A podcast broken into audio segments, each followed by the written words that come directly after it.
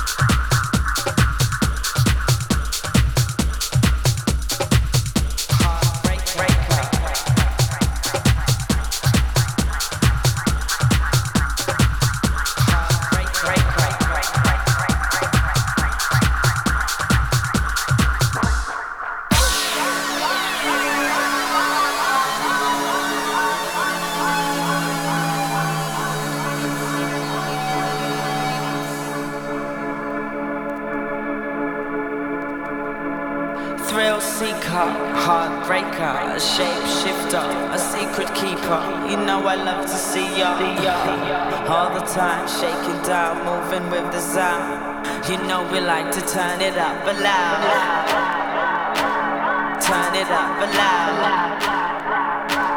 Turn it up aloud.